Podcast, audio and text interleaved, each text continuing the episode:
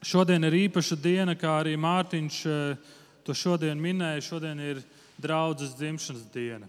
Bet ne tikai Vīlandes draudzes dzimšanas diena, bet globālās draudzes dzimšanas diena.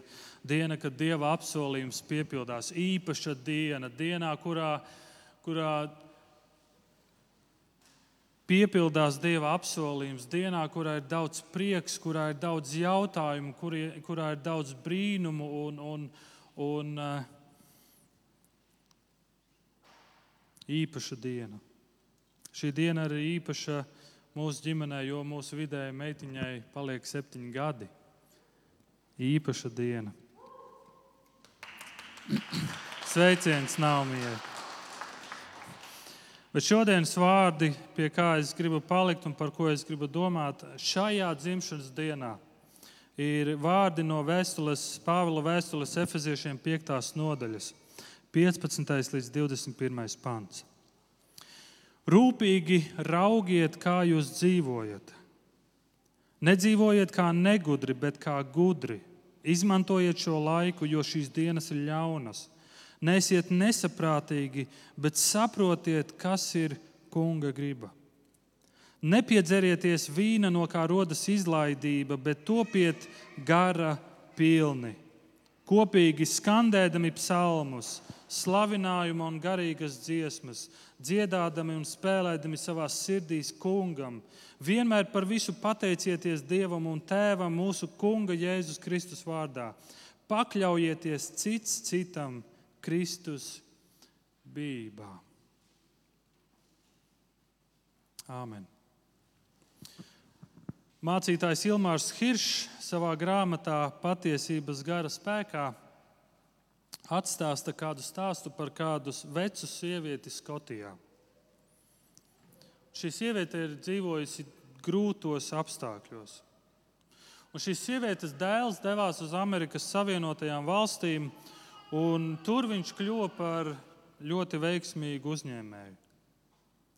Viņam nebija laiks apciemot savu māti. Un reiz kāda mātes draudzene viņai jautājusi, vai tad dēls tev neatsūta nekādu palīdzību? Uz ko māte atbildēja: Nē, bet viņš man raksta mīļas vēstules un vienmēr sūta skaistas bildes. Un draudzene lūgus, lai parāda arī viņai tās skaistās bildes.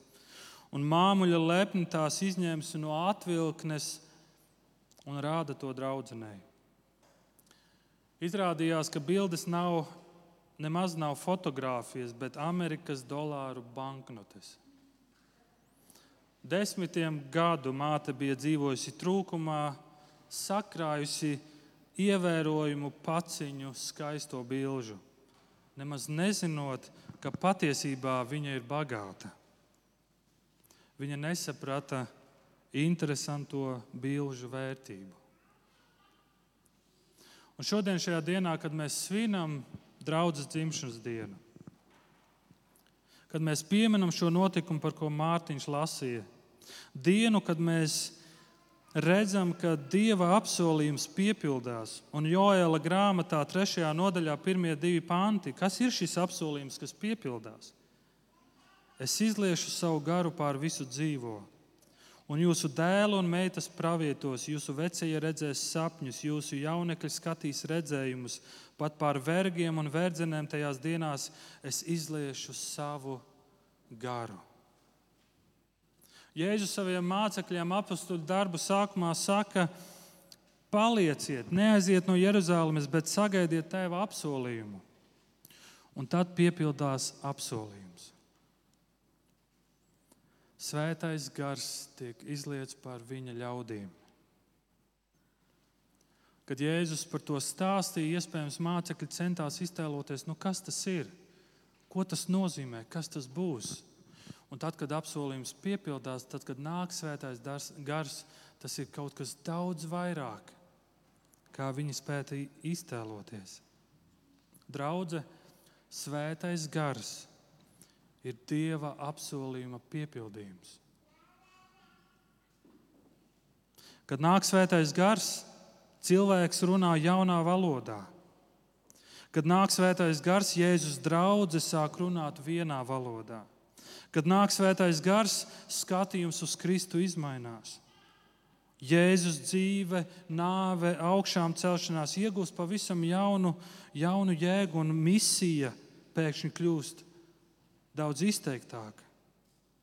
Kad nāk svētais gars, cilvēka dzīve mainās par 180 grādiem, un grēkam vairs nav varas pār mūsu dzīvi. Un mūsu šajā sērijā, Dieva evaņģēlijas, kad mēs ejam cauri, mēs redzam, cik daudz Jēzus Kristus ir paveicis. Kā viņš mūs ir atbrīvojis no vainas. Jēzus Kristus mūs ir atbrīvojis no kauna, Jēzus Kristus mūs ir atbrīvojis no dieva dusmām, un mēs tiekam uzņemti dieva ģimenē. Un tāpēc tas jautājums šodien, par ko es gribu domāt šajā svētku dienā, Draudz, vai mēs apzināmies, kas mums ir dots? Vai ar mums reizēm nav kā ar šo veco sievieti? Ka mums ir liela bagātība, bet mēs to nemaz neapzināmies. Vai nav tā, ka mēs esam aizmirsuši kaut ko svarīgu? Vai nav tā, ka mēs esam pārāk aizņemti ar savām dzīvēm un esam aizmirsuši svēto garu? Vai mēs apzināmies, ko Dievs mums dod? Varbūt mēs pat baidāmies par to runāt. Viss, kas saistās ar svēto garu, nē, tas ir pārāk svešs. Tas nekad nav bijis Dieva plāns. Pāvils vēstulē 2. korintiešiem 3.17 saka šādus vārdus: Kungs ir gars, bet kur kunga gars, tur brīvība. Šie ir vārdi, ko dziesmās mēs daudz izdziedam, kur kunga gars, tur ir brīvība. Mums ir dota jauna identitāte, un tāpēc Pāvils šiem draudzē, šiem, šai efeziešu draudzēji grib pateikt un parādīt, kas viņi ir un kā dzīvot šajā jaunajā identitātē. Kā dzīvot šajā draudzē, ko Dievs, ko Kristus ir dibinājis.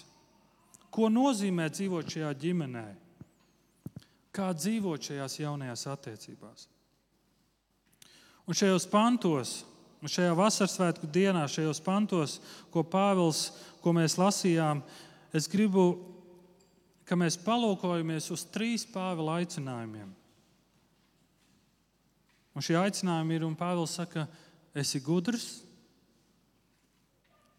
saproti Dieva gribu un topi gara pilns. Esi gudrs, saproti Dieva gribu un topi gara pilns. Esi gudrs. Un Pāvils saka, Efeziešiem 5, rūpīgi raugiet, kā jūs dzīvojat, nedzīvojat kā negudri, bet kā gudri. Izmantojiet laiku, jo šīs dienas ir ļaunas. Salamans savos rakstos ir teicis, sakām vārdi deviņi, gudrības sākums ir bijāt kungu un zināt svēto ir saprašana. Kristietis ir tas, kuram ir šī bība Dieva priekšā. Un tā ir gudrība, tas ir bība, ir gudrības sākums. Un līdz ar to šī ekspektācija no kristiešiem ir, ka viņš dzīvo dzīvi gudri. Tā ekspektācija ir, ka viņš pieņem gudrus lēmumus. Bet ko mēs redzam, kas ir gudrība? 2. mūzes 31. nodaļā, 1. pieci panti. Un kungs sacīja mūzum, redzēs, izvēlējos Becelēlu, Ūrīdēlu, Hūra dēlu no Jūdas cilts. Un es piepildīju viņu ar dieva garu, ar gudrību un saprātu, ar atziņu un visādām mākām izgudrot lietas un darināt tās zeltā, sudrabā un varā, apstrādāt akmeni un likt to ietvarā un apstrādāt koku un veikt jebkuru amatu. Tātad tā gudrība, kas nāk no Dieva, tā ir praktiska. Tas nav tikai par intelektu, tas nav tikai par zināšanām. Gudrība ir prasmes. Prasmes, kuras tu attīsti, lai no kaut kā izveidotu kaut ko brīnišķīgu. Un tāpēc Pāvils saka, skaties uzmanīgi, kā tu dzīvo. Skaties uzmanīgi, kā tu staigā. Esi gudrs. Šī gudrība ir praktiska, tā ietekmē manu staigāšanu, manu dzīvi. Bet kā Pāvils izskaidro šo gudrību, kas ir gudrība? Viņš saka, raugies uzmanīgi, kā tu dzīvo, un pēc tam viņš saka 16. pantā, izmantojiet šo laiku, jo šīs dienas ir ļaunas. Kas ir gudrība? Gudrība nozīmē, es izmantoju laiku gudri. Izmanto laiku, kas tev ir dots. Iedomājies, ja mēs varētu laiku pēkšņi izteikt naudas izteiksmē. Ko tu secinātu par sevi? Tu laiku notriec vai tu laiku izmanto gudri? Tu notriec vai tu investē? Tu ņem sev vai tu to dod? Un Pāvils saka, esi gudrs. Nē, esi negudrs, esi gudrs, nē, esi negudrs. Izmanto laiku. Viena no gudrības izpausmēm ir, kā es izturos pret laiku.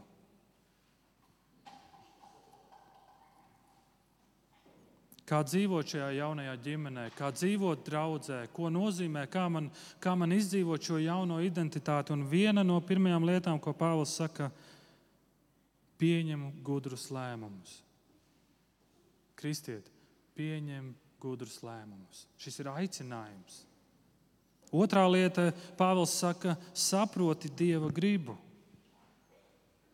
Kas tā tāda? Kas ir Dieva griba?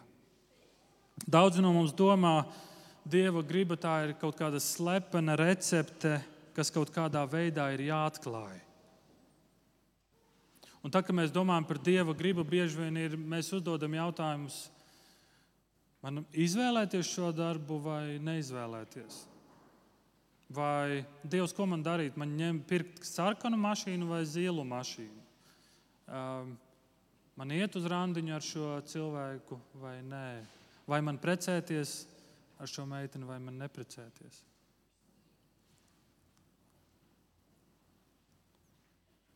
Bet Bībele tā nerunā par Dieva gribu. Viens no veidiem, ko mēs redzam, Bībele dod instrukcijas.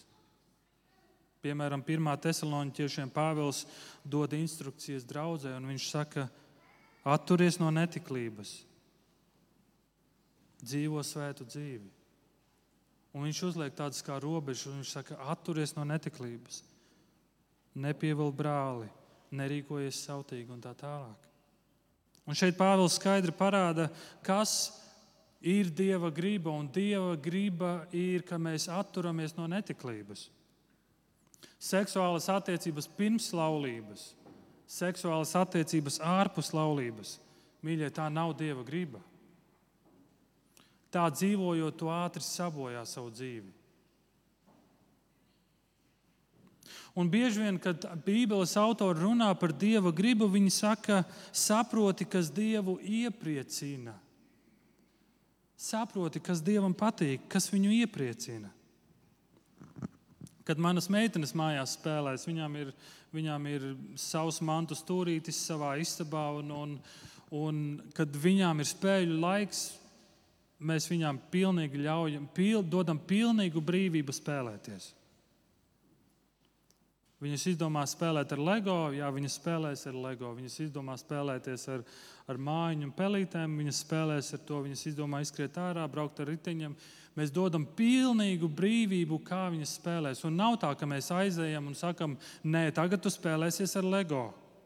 Pēc 15 minūtēm tu spēlēsies ar šo un tādu ar to. Mēs tā nedaram. Mēs ļaujam viņām būt radošām, mēs ļaujam viņām izpausties.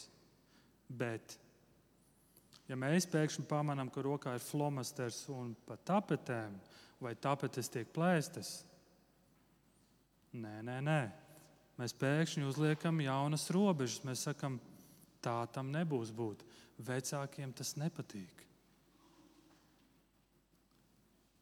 Tas mums nepatīk. Un šīs divas lietas, šīs divas lietas, uz ko Pāvils aicina, viņš saka, esi gudrs un saproti Dieva gribu. Dieva griba ir svēta dzīve. Dieva griba ir dzīvot pateicībā Dievam jebkuros apstākļos. Dieva griba ir ticība Jēzum Kristum. Dieva griba ir svētā gara piepildīta draudzene. Dieva griba ir svētā gara piepildīta dzīve. Un šis ir trešais aicinājums, ko Pāvils saka. Nēsiet, nepiedzerieties vīna, no kā rodas izlaidība, bet topiet gara pilni.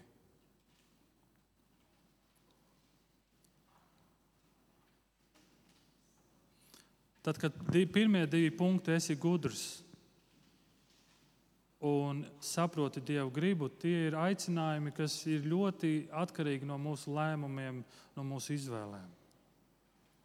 Bet pēdējais aicinājums, viņš saka, topiet gara pilni. Tur redzi, tur ir ārēji apstākļi, kas mūs ietekmē. Un Pāvils šeit kontrastā noliek vai nu vīns, kas ir ārējais apstākļis, vai nu svētais gars. Viņš saka, nepiedzerieties, bet topiet gara pilni. Kad tu sāc savu dienu un tu savā dienā nos, noliec kaut kādus plānus, vai cik bieži tev izdodas uzdot jautājumu, Dievs, vai tev mans plāns, vai tevi mans plāns iepriecinās? Vai šis plāns, kas ir šodien man ieplānots, vai tas ir Dievam patīkams plāns? Cik bieži mēs par to tā domājam? Šādi jautājumi mums liktu domāt par dzīvi, kā mēs to dzīvojam. Bet viens veids, kā nedomāt par dzīvi, kā pārstāt domāt par dzīvi, kā atslēgties, ir piedzerties. Tas ir viens no iemesliem, kāpēc daudz piedzeras. Ir pilni ar vīnu, Jo bieži vien mēs gribam aizmirsties, dzīvē ir pārāk daudz sāpes, dzīvē ir pārāk daudz problēmas, un es vienkārši gribu aizmirst. Un Pāvils to skaidri apzinās, ka ir daudz, pārāk daudz šie ārējie apstākļi, kas grib mūs ietekmēt, kas centīsies mūs ietekmēt, lai mēs pieņemam sliktus lēmumus, negudrus lēmumus.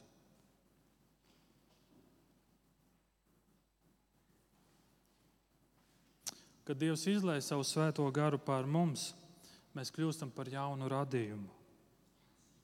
Mūsos mājos svētais gars.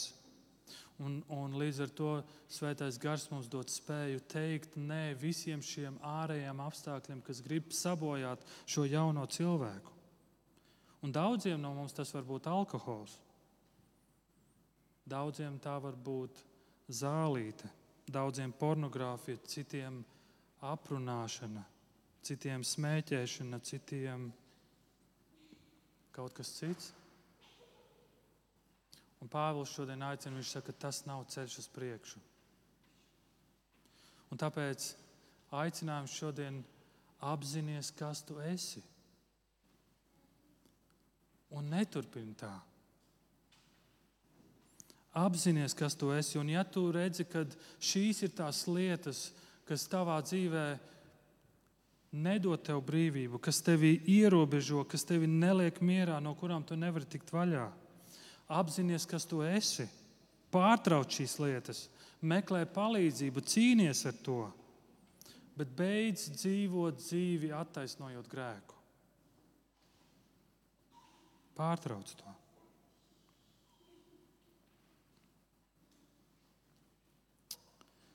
Ok, Pāvils, es dzirdu tavu aicinājumu šodien, šajā īpašajā dienā. Man jābūt gudram, man jāpieņem gudri lēmumi, un man jācenšas darīt to, kas Dievam patīk. Bet kā tas darbojas? Un Pāvils saka, topi gara pilns. Mēs esam dzirdējuši ļoti dažādas versijas par Svēto garu par svētā gara izpausmēm. Un bieži vien tāpēc mūsu reakcija ir: es labāk par to nedomāšu, es labāk šo tēmu lieku mierā, es labāk to neaizskaru. Un tas ir viens no sātana mērķiem, lai mēs par to nedomājam. Ir daudz mācības, un tāpēc Pāvils arī brīdina, lūko, kā tu dzīvo, jo apkārt ir pārāk daudz maldi, pārāk daudz izaicinājumu. Bet tas nenozīmē, ka mums vairs nav jārunā par svētā gara pilnumu. Jo tas ir paredzēts priekš draudzes. Zini, kāpēc? Tāpēc, ka tā ir Dieva griba. Tas nav tikai toreiz, pirms vairāk kā 2000 gadiem, tas nav tikai pirmajam gadsimtam, kas tur bija, tas ir šodienai. Un tāpēc es gribu, ka mēs esam pārliecināti šodien, ka svētais gars draudz ir priekš mums šodien. Tā ir Dieva griba mums šodien. Svētais gars nav kaut kāda luksus lieta kristietībā. Tai jābūt kaut kam normālam, normālai lietai kristiešu dzīvē. Tā ir svarīga sastāvdaļa. Un tāpēc Pāvils saka, nepiedzerieties ar vīnu, jo no tā ceļas izlaidīga dzīve. Šāda veida dzīve ir dzīve bez robežām, un es daudzus pēdējā laikā, ne daudzus, bet esmu kādus cilvēkus pamanījis, kas saka, es varu dzīvot kā gribu, varu darīt, ko gribu, jo es esmu drosmīgs. Darot visu, ko vien vēlos, tas cilvēku noved pie sabojātas dzīves. Bet būt piepildītam ar svēto garu, tur ir skaistums. Tur ir robežas, tur ir kontrole, bet tur ir skaidra apziņa. Un tāpēc Pāvils saka, topi gara pilns. Ko šis aicinājums nenozīmē? Šis aicinājums nenozīmē, ka mēs esam pazaudējuši svēto garu vai mēs esam pazaudējuši Jēzus Kristus klātbūtni. Efeziešiem 4. nodaļā Pāvils saka šādus vārdus: 30. pants, un neabēdiniet Dieva svēto garu, ar ko jūs esat apzīmogoti iepirkšanas dienai. Kad mēs ticam Jēzum Kristum, tad viena no lietām, ko Dievs dara, viņš paņem tādu kā zīmogu un uzspiež to. Un viņš saka, tas ir mans. Un mēs nevaram neko darīt, lai šo zīmogu noņemtu nost. Un līdz ar to šis aicinājums topiet gara pilni nenozīmē, mēs esam zaudējuši svēto garu un tagad mums kaut kādā veidā ir jāatgūst tas no jauna. Tas to nenozīmē. Gara saņemšana tas ir process vai arī notikums.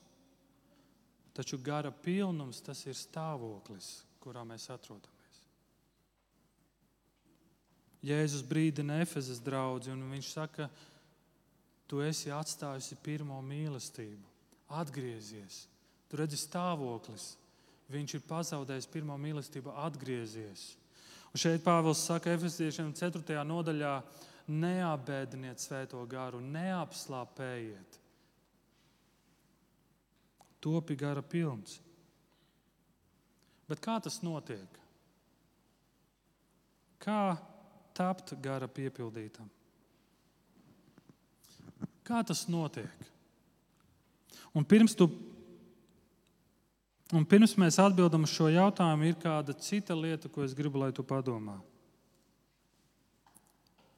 Pirms tu topi piepildīts ar svēto garu, pirms tu topi piepildīts ar svēto garu, tev ir jāpārliecinās, vai tu spēj tapt piepildīts.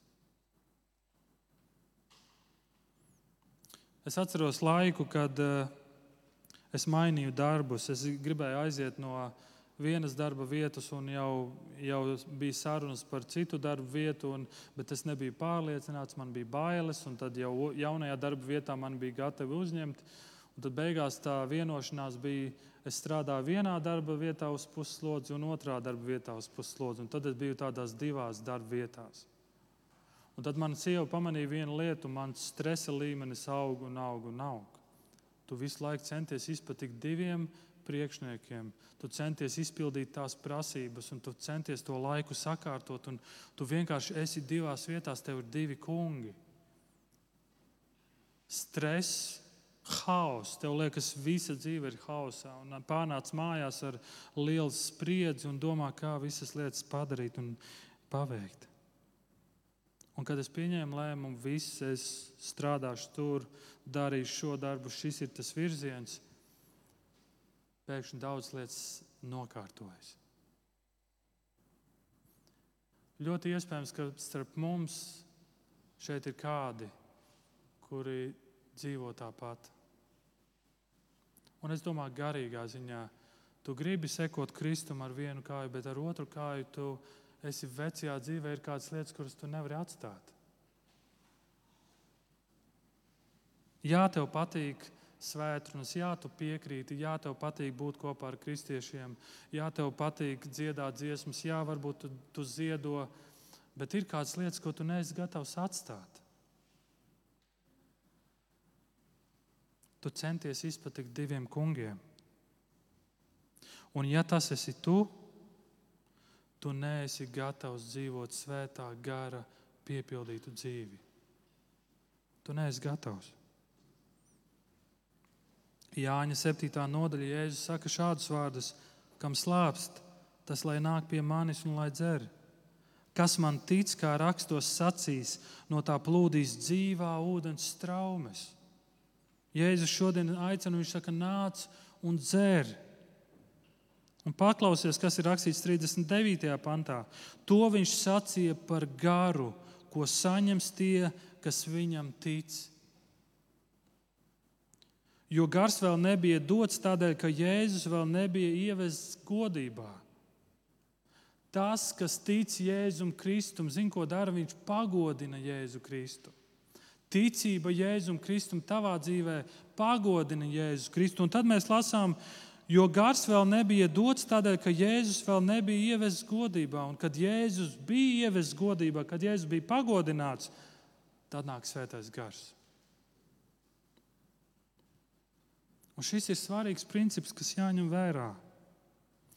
Jēzus nekad neizlies savu svēto garu pār vīru vai sievu, kurā Jēzus netiek pagodināts. Ja tavā dzīvē Jēzus netiek pagodināts, tur nav vietas svētajam garam.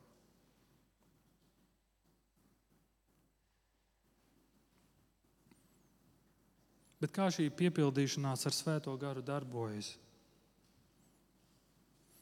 Āmusa grāmatā, vecā, nod, vecā derībā, ir tāda Āmusa grāmata, un pravietis trešajā nodaļā, trešajā pantā uzdot retorisku jautājumu. Vai divi ceļo kopā, ja iepriekš nav norunājuši? Vai divi ceļo kopā, ja iepriekš nav norunājuši?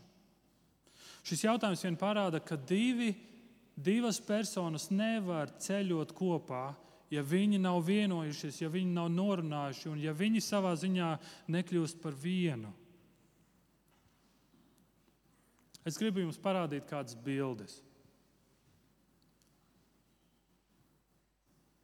Pirmā bilde. Jūs atpazīstat šo personu. Tas ir Raimons Logins studiju gados ar ļoti stilīgām brillēm. Un tad ir otrā bilde. Tumša tur ir Raimons Logins pa labi aktīvists arī jaunībā, studiju gados. Un tad ir trešā bilde. Un šo paturēsim ilgāk. Šeit ir Raimons Logins ar savu skaistāko pusīti. Šeit jau es esmu precējies.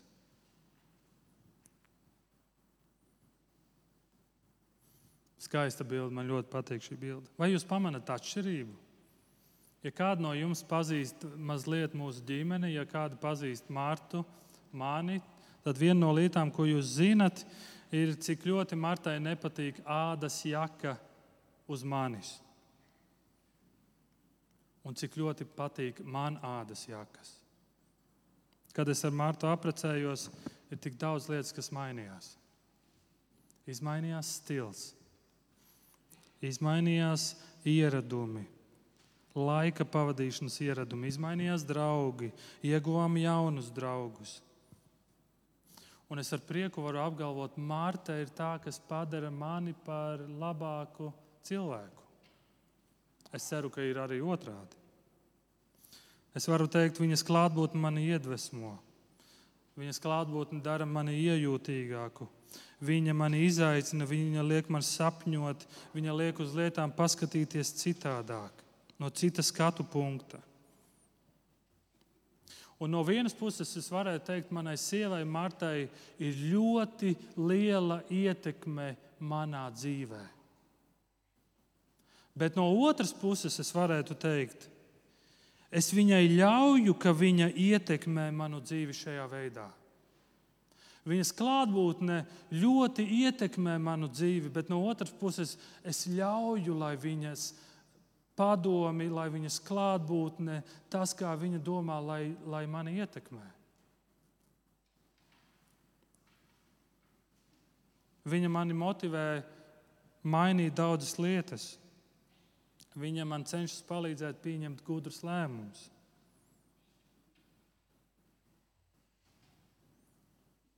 Ir mainījies tas, kā es skatos uz laiku, kā es izmantoju laiku.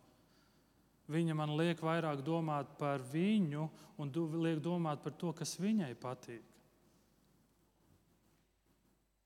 Un man šķiet, ka ir ļoti līdzīgi ar Jēzus klātbūtni mūsu dzīvēm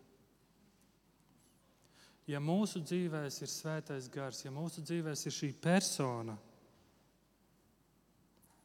tad mums ir šī motivācija dzīvot tā, kā to vēlas Kristus. Bet, ja mūsu dzīvēs nav svētais gars, tad līdz ar to nav motivācija. Tas nozīmē, es varu dzīvot kā es gribu. Tas nozīmē, es pats nosaku, kas ir pareizi, kas ir nepareizi. Bet tagad manī dzīvo svētais gars. Viņš runā, viņš brīdina, viņš pamāca, viņš norāda, viņš komunicē. Reizēm ļoti maigi, reizēm striktāk. Ja šajā brīdī tu jūti, ka svētais gars uz tevi runā, ja viņš tevi mudina uz kādām lietām, neapcietini savu sirdi, paklausi. Un 18. pantā Pāvils saka, nepiedzerieties vīni, no kā rodas izlaidība, bet topiet gara pilni. Un tad 19. pants kopīgi skandēdami psalmus, slavinājumu un garīgas dziesmas, dziedādami un spēlēdami savā sirdīs kungam. Tur redzat, cik daudz ir Dieva vārds. Tas ir Dieva vārds, kur mēs atrodam svēto garu. Meklē viņu rakstos. Viņš ir rakstu autors, viņš ir tas, kas iedvesmoja tos, kas rakstīja. Un tāpat laikā tur redzat, šeit ir arī draudzes aspekts. Mīļā draudzene, cik ļoti mēs esam vajadzīgi viens priekš otra. Kad mēs kopā dziedam psalmus, kad mēs šodien dziedājam dziesmas, Anna ar grupu sagatavoja šīs dziesmas, un mēs kopā dziedājām, un šajā dziedāšanā mēs viens otru sākam pamācīt.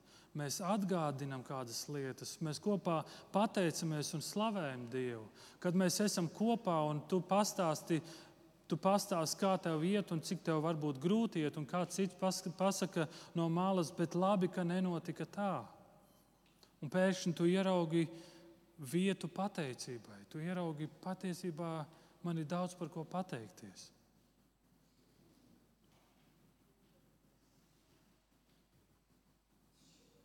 Ļauj caur rakstiem, svētajam garam ietekmēt tavu dzīvi. Ļauj šai svētā gara personai, kas atrodas mums mūsos, ietekmēt tevi ar katru dienu vairāk. Ļauj piepildīt tevi. Neapcietini, neapslāpē. Vienmēr par visu pateicieties Dievam un Tēvam mūsu Kunga Jēzus Kristus vārdā. Un 21. pāns Pāvils noslēdz, un viņš saka, pakļaujieties cits citam Kristus bībā. Un lūk, kur ved mūsu dzīve ar svēto garu, mēs pakļaujamies viens otram.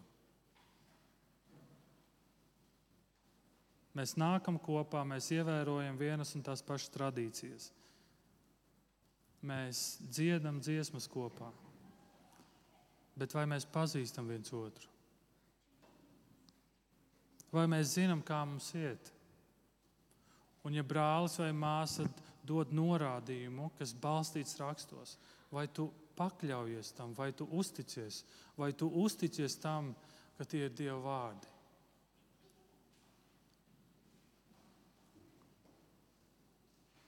Pakļaujieties!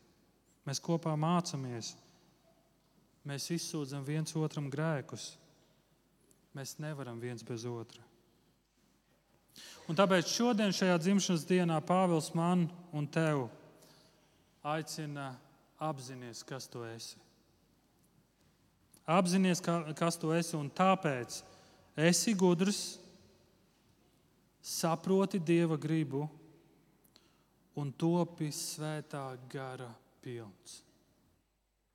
Un šis ir process, kas ir nepārtraukti. Topi svētā gara pilns. Mateja 5. nodaļa, 6. pants. Svētīgi izsalkušie un izslāpušie pēc taisnības. Un Ilmārs Hiršs savā grāmatā, šajā pašā grāmatā, patiesības gara spēkā, saka, ka kristietis bez slāpēm ir miris kristietis. Un tāpēc jautājums, vai tev ir šīs slāpes, lai tu esi piepildīts ar svēto garu katru dienu no jauna? Vai tev ir šīs slāpes? Lūksim Dievu!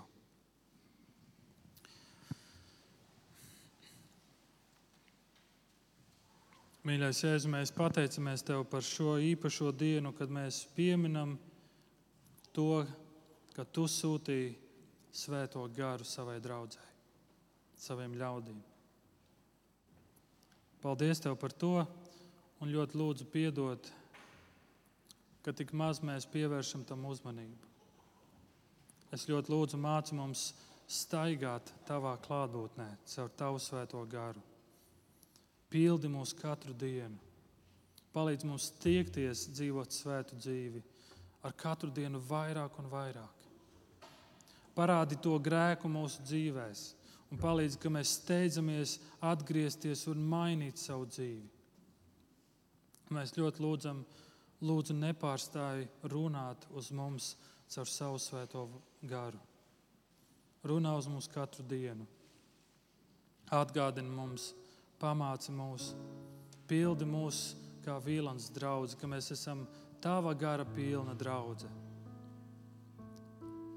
Jo tas, ko dara Svētais Gars, pagodina Kristu. Jēzus Kristu, lai Vīlans draudzē, lai draudzēs Rīgā un Latvijā, tu, Jēzu, esi pagodināts. Svētī mūs, ved mūs dziļāk šajās attiecībās ar Tevi. Un paldies Tev par, šo, par šiem īpašiem svēt, svētkiem un par šo īpašo dienu. Tavā vārdā. Amen.